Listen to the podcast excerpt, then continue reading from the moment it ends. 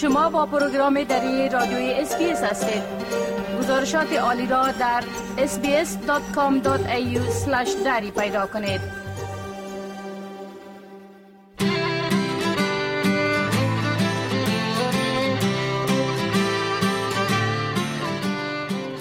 به مجموعه گزارش های معلوماتی زندگی در استرالیا خوش آمدید. من مجیب منیب هستم. این گزارش ها به شما کمک می کند تا در استرالیا به خوبی ساکن شوید و احساس بودن در خانه خود را بکنید. پس از استقرار اروپایی ها در استرالیا در سال 1860 میلادی برای نخستین بار گروهی از مردان افغان با شترهایشان وارد استرالیا شدند. در این گزارش در مورد تاریخ مردمان اولی استرالیا و ساربانان افغان معلومات کرداوری کرده ایم. مردمان اولی استرالیا شامل ابوریجنال و جزیره نشینان تنگی تورس می شوند که ده ها هزار سال قبل از ورود اروپایان در این سرزمین زندگی می کردند. دکتر احسان آذری استاد پانتون وسترن سیدنی می گوید که مردمان ابوریجنال و جزیره نشینان تنگی تورس در این کشور حدود 65 هزار سال تاریخ دارند. مردمی که اولین بار در استرالیا آمده بودند به نام ابوریجینال و همچنان باشندگان جزیره توریستریت که در شمال شرق استرالیا موقعیت داره. این دو مردمی که مربوط به امید دو نام یاد می شوند با استرالیا اما باشندگان اصلی استرالیا هستند که تقریبا 65 هزار سال قبل در استرالیا با با قایق ها و کشتی های بسیار بسیط و ابتدایی به کار آمدن و در اینجا متوطن شدن بیشتر در کنار دریاها و همچنان در, در سواحل استرالیا آقای آذری می‌گوید که مردمان اولی استرالیا به قبیله های مختلف تقسیم شده و به زبان های مختلف صحبت می کنند. اینها از لحاظ قومی به تقریبا به 250 قبیله مختلف تقسیم میشه و و صدها زبان مربوط صدها زبان هم اینا دارند و از لحاظ فرهنگی و از لحاظ مراسم دینی و مذهبیشان بسیار مسائل دلچسب داره که برای ما بسیار زیاد مثلا اینا را وقتی که می‌بینین اکنون هم همیشه خودشان را رنگ می‌کنن و آواز خانی می‌کنن و رقص های جالب اجرا می‌کنن که این مهمترین چیز در این مسئله رنگ کردن خودشان و رقص ها و آواز هایشان است که مربوط اما تاریخ خود را اینا مشخص می‌سازند مراحل مختلف تاریخی خود را. قبل از اینکه اروپایی ها به استرالیا بیایند و در اینجا ساکن شوند فقط بومیان استرالیا در مناطق مختلف این کشور زندگی می کردند اما پس از کشف استرالیا برای اولین بار سکونت اروپایی ها در سال 1788 میلادی در این کشور آغاز شد و بعد از آن تعداد زیادی از اروپایی ها با کشتی ها وارد استرالیا شدند زمانی که اروپایی ها برای اولین بار به استرالیا آمدند در آن زمان سفر به مناطق دور افتاده کشور بسیار سخت بود. اما اروپایی ها می خواستند مناطق دور افتاده استرالیا را با شهرها متصل کنند و یک راه حل آسان برای مشکل ترانسپورتی پیدا کنند. به همین دلیل است که مقامات برخی از مستعمرات استرالیا تصمیم گرفتند تا شترها را به استرالیا بیاورند و مشکل ترانسپورتی به مناطق دورافتاده استرالیا را حل کنند. دکتر احسان آذری می‌گوید که برای اولین بار در سال 1860 میلادی سه افغان به استرالیا آمده بودند اما پس از آن هزاران تن دیگر به استرالیا آمدند. در او زمان افغانستان از لحاظ پالیسی خارجی آزاد نبود مربوط انگلستان بود اما از لحاظ داخلی آزاد بودند زمان امیر عبی خان بیشتر اولین افغان هایی که اینجا آمدن سه نفر بودند که در سال 1860 آمدن و اینها معیت یک هیئت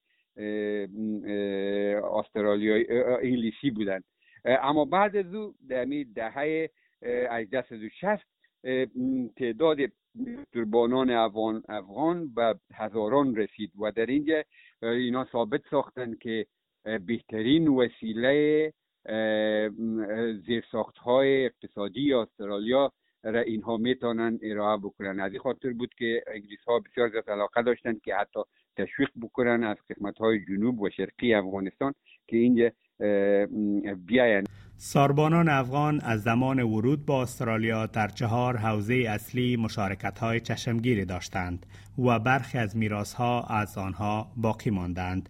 اولا افغان های ساربان در کشف مناطق مرکزی استرالیا نقش اساسی داشتند و با کمک افغان ها محققین توانستند به مناطق از استرالیا که قبلا غیر قابل دسترس بود سفر کنند. اسناد منتشر شده نشان می دهد که تعداد اساربانان افغان بین سالهای 1870 و 1890 با گروه هایی که به دنبال کشف مناطق دورافتاده استرالیا بودند همکاری می کردند. به عنوان مثال در سال 1872 سه تن افغان به نامهای کامران، جمعخان و علانه در یک پروژه مهم به سرپرستی ویلیام گاس شرکت کرده بودند که منجر به کشف 132 هزار کیلومتر مربع زمین در مناطق مرکزی استرالیا شد. ثانیا ساربانان افغان در ساخت راه آهن و ایستگاه های راه آهن نیز سهم قابل توجه داشتند.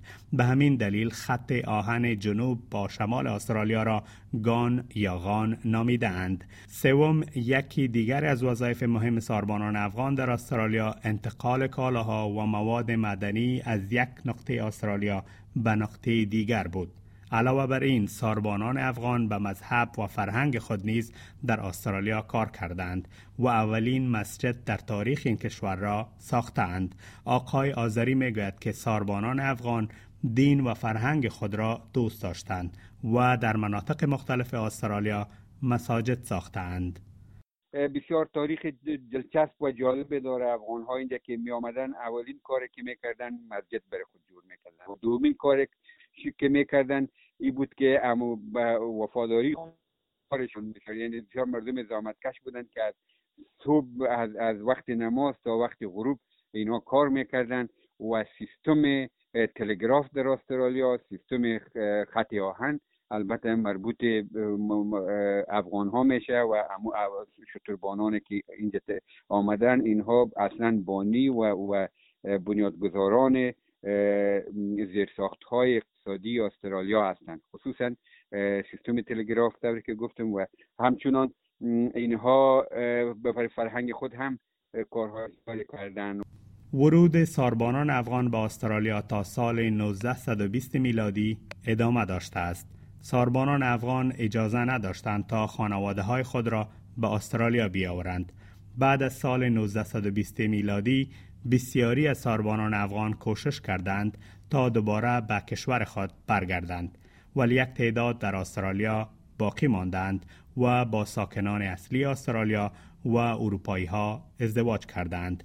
دکتر آذری می افزد که نویسندگان و دانشمندان استرالیا از ساربانان افغان در آثار خود به خوبی یاد کردند و حقایق را بیان کردند.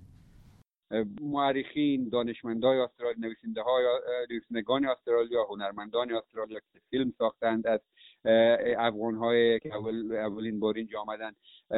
اینها خدمات افغان ها را برجا کرده و واقعیت های زینا را هم در کتاب کتبی و هم در داستان ها و ناول ها ما می, پیدا می‌کنیم. اما به صورت رسمی دولت استرالیا تا کنون چیز ملموس را متاسفانه که امو خدمت اونها را جبران کرده باشند تا کنون نکردند. دکتر پاملا راچکوسکی نویسنده و محقق در شهر ادلیت استرالیا می‌گوید داستان ساربانان افغان داستان دو قاره بزرگ است. او می‌گوید که این افراد از قسمت های مختلف افغانستان و بلوچستان با فرهنگ های مختلف با استرالیا آمده بودند.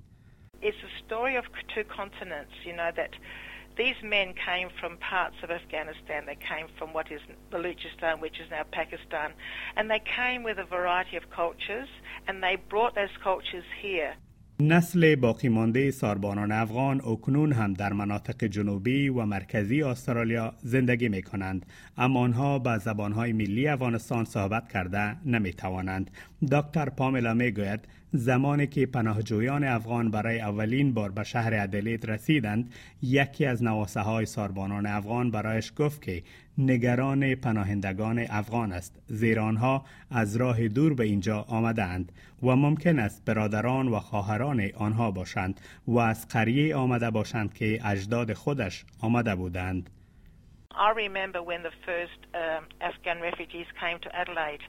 The Afghan Kamali descendants said to me they were concerned about them because they know they've come a long way to this country. Mm-hmm. And they said to me, Pamela, they could be our brothers and our sisters, you know, meaning from the same villages as our grandfathers came from.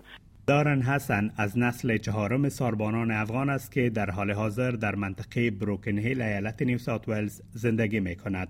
او می گوید افتخار دارد که از نسل ساربانان افغان است. آقای حسن می گوید که نیاز است در مورد ساربانان افغان به مردم معلومات داده شود که آنها چه کسانی بودند و در اینجا چه کردند. او می افزد واضح است که حکومت در این قسمت مسئولیت دارد.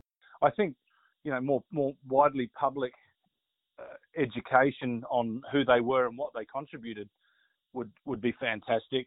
Uh, and yeah, definitely the government are are more responsible for that. And I guess the the newcomers to to Australia, they should be made aware of all these connections and, and, and history as well, because it's you know that it's a it's now a shared part of their of their history here, if that makes sense. از شما برای شنیدن این گزارش تشکر می کنم. برای گزارش های بیشتر از صفحه sbs.com.au dari life in Australia دیدن کنید.